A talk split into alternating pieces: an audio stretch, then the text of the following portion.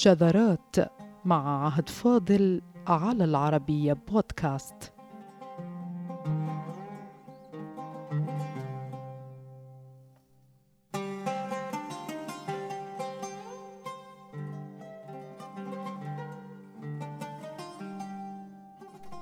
بعدما عرضنا أعزائنا في الحلقة السابقة لرأي ومبررات الكاتب الكبير الجاحظ في ضرورة الحفاظ على الأصل العامي لنوادر العامة. إذا ما خضعت لاقتباس أو لتداول وكذلك تأكيد صاحب البيان والتبيين إلى ضرورة التقيد بالمنطق الفصيح لأهل الفصاحة عند النقل أو الاقتباس من لسانهم. نستعرض اليوم محاولة قام بها أحد المؤلفين المسلمين بنقل الكلام العامي الأندلسي في الأمثلة الدارجة وكيف بدا المؤلف كما لو أنه استجاب لدعوة الجاحظ بعد أربعة قرون من تدوينها. ولأن العامية تبقى عامية وهي الكلام غير الخاضع للإعراب وهو من جملة اللحن أي أخطاء اللغة فإن أهمية نقل العامية كما هي في الاقتباس تقدم صورة تبرز العوامل الألسنية التي أدت إلى تطور تلك اللهجة أو اللهجات العربيات التي تتصل فيما بينها. أخيرا بالعربية الفصحى الأم التي هي لغة اللغات ولسان الألسنة. وفي إضافة عامية أهل الأندلس. تبين أنها لهجة انصهرت فيها كل اللهجات العربيات خاصة في مبدأ الإمالة الذي ينحو بالألف نحو الياء وبالفتحة نحو الكسرة كعابد التي تصبح عابد أو عالم عالم وهي من لهجات قلب الجزيرة العربية التي انتشرت في بقية أصقاع الأرض. ولا تزال لهجات عربيات كاللهجة اللبنانية مثلا مبنية من الإمالة العربية القديمة فيقال كتابك عوضا من كتابك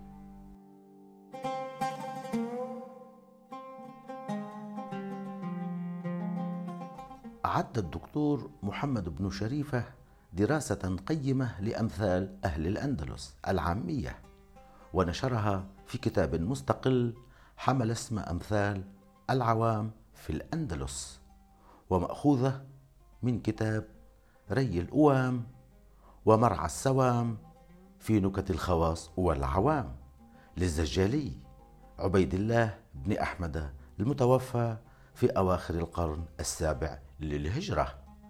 وكما حافظ الزجالي على عامية المقتبسات كذلك فعل ابن شريفة في كتابه الذي يعد درة فيما ألف في العصر الحديث عن اللسان العربي العامي القديم.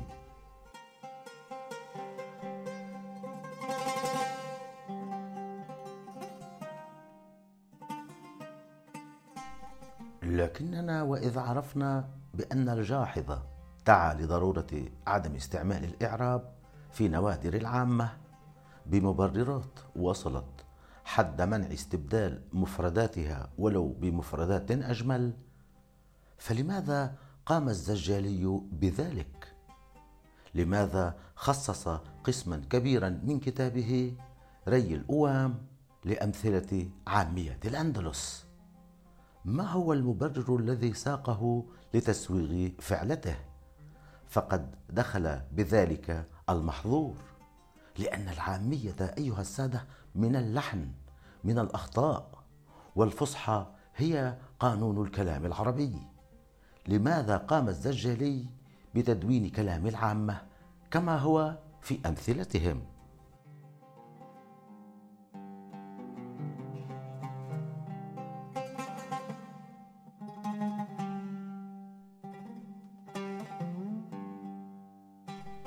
أيها السادة الزجالي الأندلسي ذو الأصول المغاربية يبدو كما لو أنه استجاب لدعوة العبقري الجاحظ بضرورة عدم تغيير بنية نوادر الكلام العامي كي لا تتغير معانيه وتراكيبه وهو أمر تفعله الآن وسائل الإعلام العربية في الجمل الشهيرة فتبقي عليها كما هي في عاميتها توصيلا لها وحفاظا على دلالتها الأصلية التي ستمحى لو قهرت بتغيير تركيبها.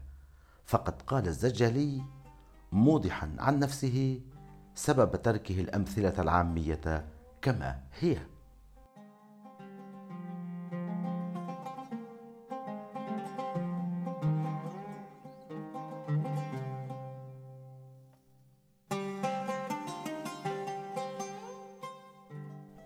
قال الزجالي ولو شئت أن أسوقها معربة وعن معانيها معربة لكان ذلك بأسهل مرام وأيسر نقد وإبرام. ثم يوضح المصنف لما فعل ذلك أصلا وبدأ كما لو أنه يكرر نصيحة الجاحظ التي أسداها للكافة قبل أربعة قرون خلت فيوضح الزجالي بقوله وإنما كان يذهب رونقها أي أنه إذا أوردها معربة لذهب جمالها وحسنها ويضيف فتركتها على وضعها لإحراز نفعها ولتكون أولج على الألسنة وأجزل في المحاورات المستحسنة. انتهى كلام الزجلي.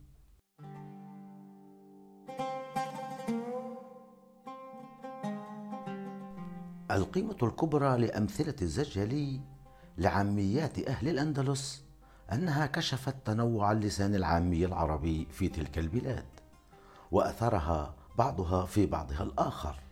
فنجد لسان أهل المشرق ولسان أهل المغرب ولسان أهل الجزيرة العربية. في جملة واحدة عربية داخلها شيء من تغير في التركيب والزيادات. كإضافة الواو والنون في الأسماء للتكبير كزيدون في زيد وعبد في عبد مع الإشارة إلى دخول أثر إسباني في لهجة بعض من أهل شمال أفريقيا كما قال الدكتور شاكر لقمان في بحث منشور له عن أمثال عوام الأندلس.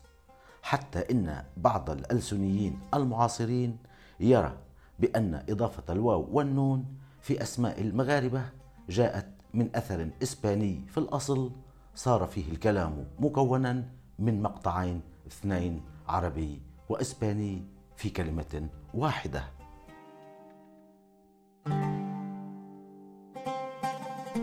إذا في أمثلة أهل الأندلس العامية كنز ألسني.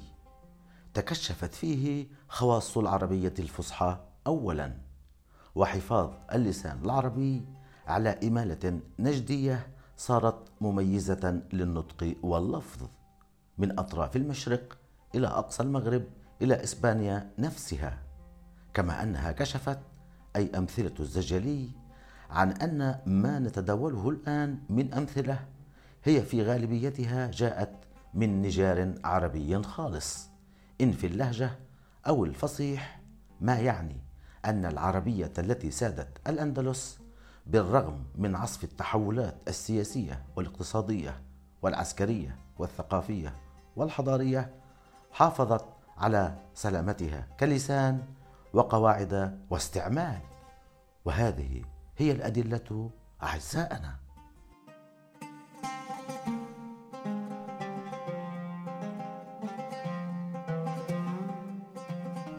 وفيما نحن نتهيب تلك اللحظة التي نسمع فيها الكلام كما كان ينطقه الأندلسيون نشير إلى أن الفصحى بقانونها ونحوها وبيانها هي سر العربية الحارس وهي السبب في احتفاظ الأندلسيين بلسانهم. فلولا انتشار الفصحى بآدابها ونحوها في تلك البلاد لما قامت قائمة لأي لهجة عربية. فأي لهجة عربية هي مجرد فرع ضئيل للغاية لشجرة كبرى أم هي اللغة العربية الفصحى.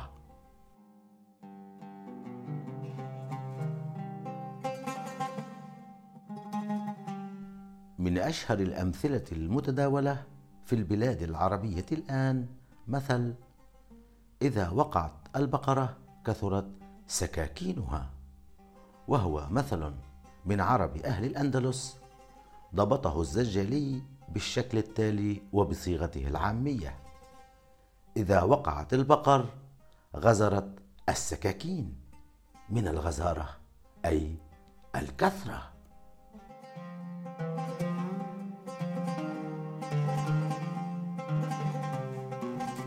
وكذلك المثل الشائع. اسأل مجرب ولا تسأل حكيم بالعامية.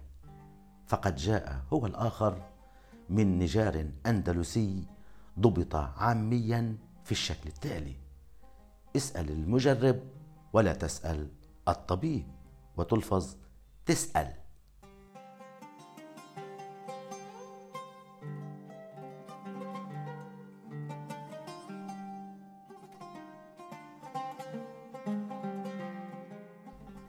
في المثل العامي الشامي الذي لا يزال دارجا يقال توب العيرة ما بدفي وفي أمثلة الزجالي العامية من أهل الأندلس كان ينطق على الشكل التالي ثوب العيرة ما يسخن وكالمثل الجمل بفلس وما في فلس كان أصله الأندلسي بحسب الزجالي من القرن السابع الهجري الذي ضبطه على هذا الشكل. جمل بدرهم وأين الدرهم؟ وكذلك في المثل المصري الشهير اتمسكن حتى تتمكن. فإن الزجالي أورده نقلا من لسان عوام الأندلس في الشكل التالي اتمسكن حتى تتمكن. وهو من أشهر الأمثلة العربية التي تتناقل على صعيد واسع.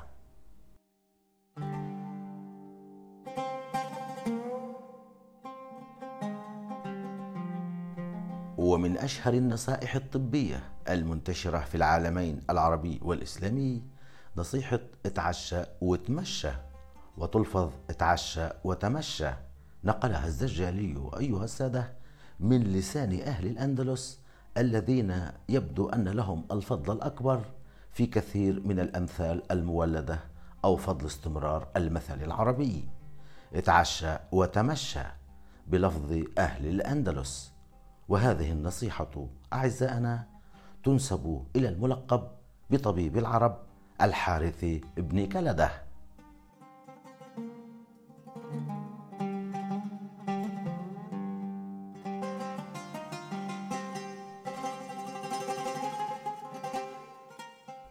ومن أشهر الأمثلة العربية المتداولة حتى الآن بعدد من اللهجات العربيات كإلحاق الكذاب لورا الباب أو امشي مع الكذاب إلى عتبة الباب. فقد ضبطه الزجالي عن لسان أهل الأندلس كالتالي. اتبع الكذاب لباب داره بضمة على الراء بديلا من داره ويقول أهل اللغة المقارنة إن هذا المثل انتقل بأكمله إلى اللغة الإسبانية كشكل من أشكال المؤثر اللغوي العربي الذي صار في صميم اللغة الإسبانية ويقال المثل في صيغة عامية أخرى وعند أهل الأندلس أيضا وصل الكذاب لباب داره وأيضا بضمة على الراء فقط.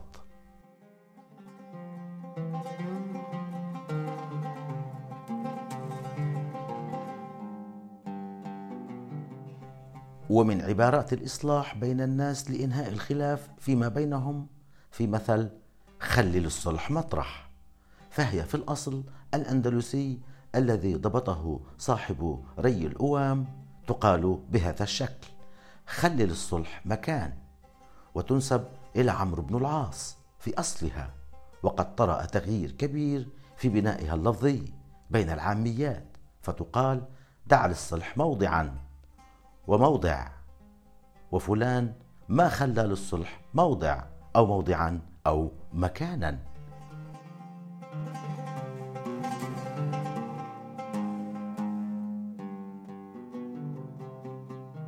أما المثل المصري الشهير سبع صنايع والبخت أو الرزق ضايع فأورده الزجالي من لسان أهل الأندلس مرة أخرى وعلى الشكل التالي.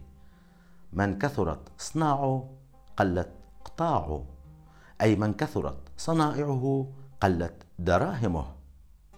أما من الأمثلة التي لا تسمع إلا في المغرب العربي الآن بحسب ابن شريفة فمثل جميل يقول ما بقى من الأحباب إلا المفتاح والباب.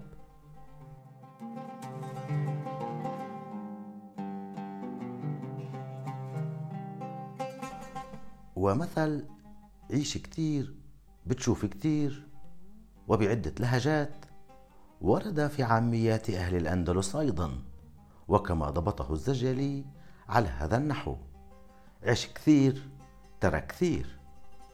وهو من أمثال الحكمة للاتعاظ بأن ثمة في العالم ما لا يعرفه المرء فكلما تقدم في العمر تقدم في المعرفة.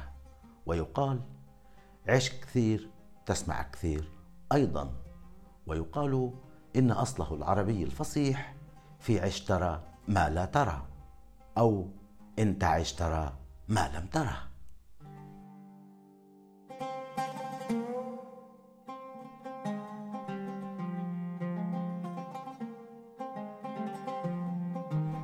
تدوين الأمثلة العربية كما هو ثابت أعزائنا بدأ منذ عصر التدوين عند العرب والمسلمين. وانتقل ما كان يتناقل على ألسنة العرب إلى مصنفاتهم قرنا بعد قرن وتعددت المحاولات التي رصد فيها كلام العامة في المثال الدارج عند مؤلفين كثيرين إلا أن المصنف هذا أو ذاك كان يتحدث عن المثل العامي بعد تغيير نجاره إلى الفصحى ويقول إن هذا المثل أو ذاك من أمثلة العامة إلا أن الزجالي انفرد اولا بنقل تلك العاميات وضبطها كما كانت على لسان أهل الأندلس.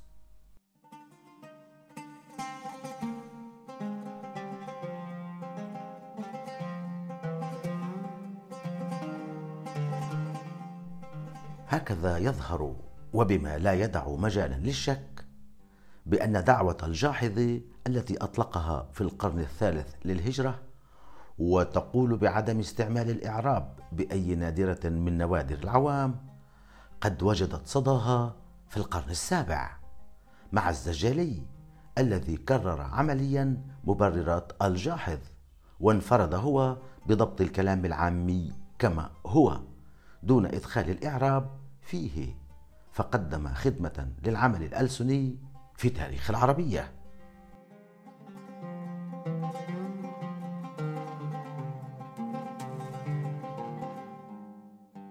وقيمة ما فعله الزجالي من خلال فهم توليد الكلمات الحاصل من اندماج أكثر من لهجة عربية. وثانيا من تأثير العربية بغيرها وغيرها بها كما بينها والإسبانية. وثالثا انتشار اللهجة الأندلسية في العالم العربي خاصة في شمال أفريقيا.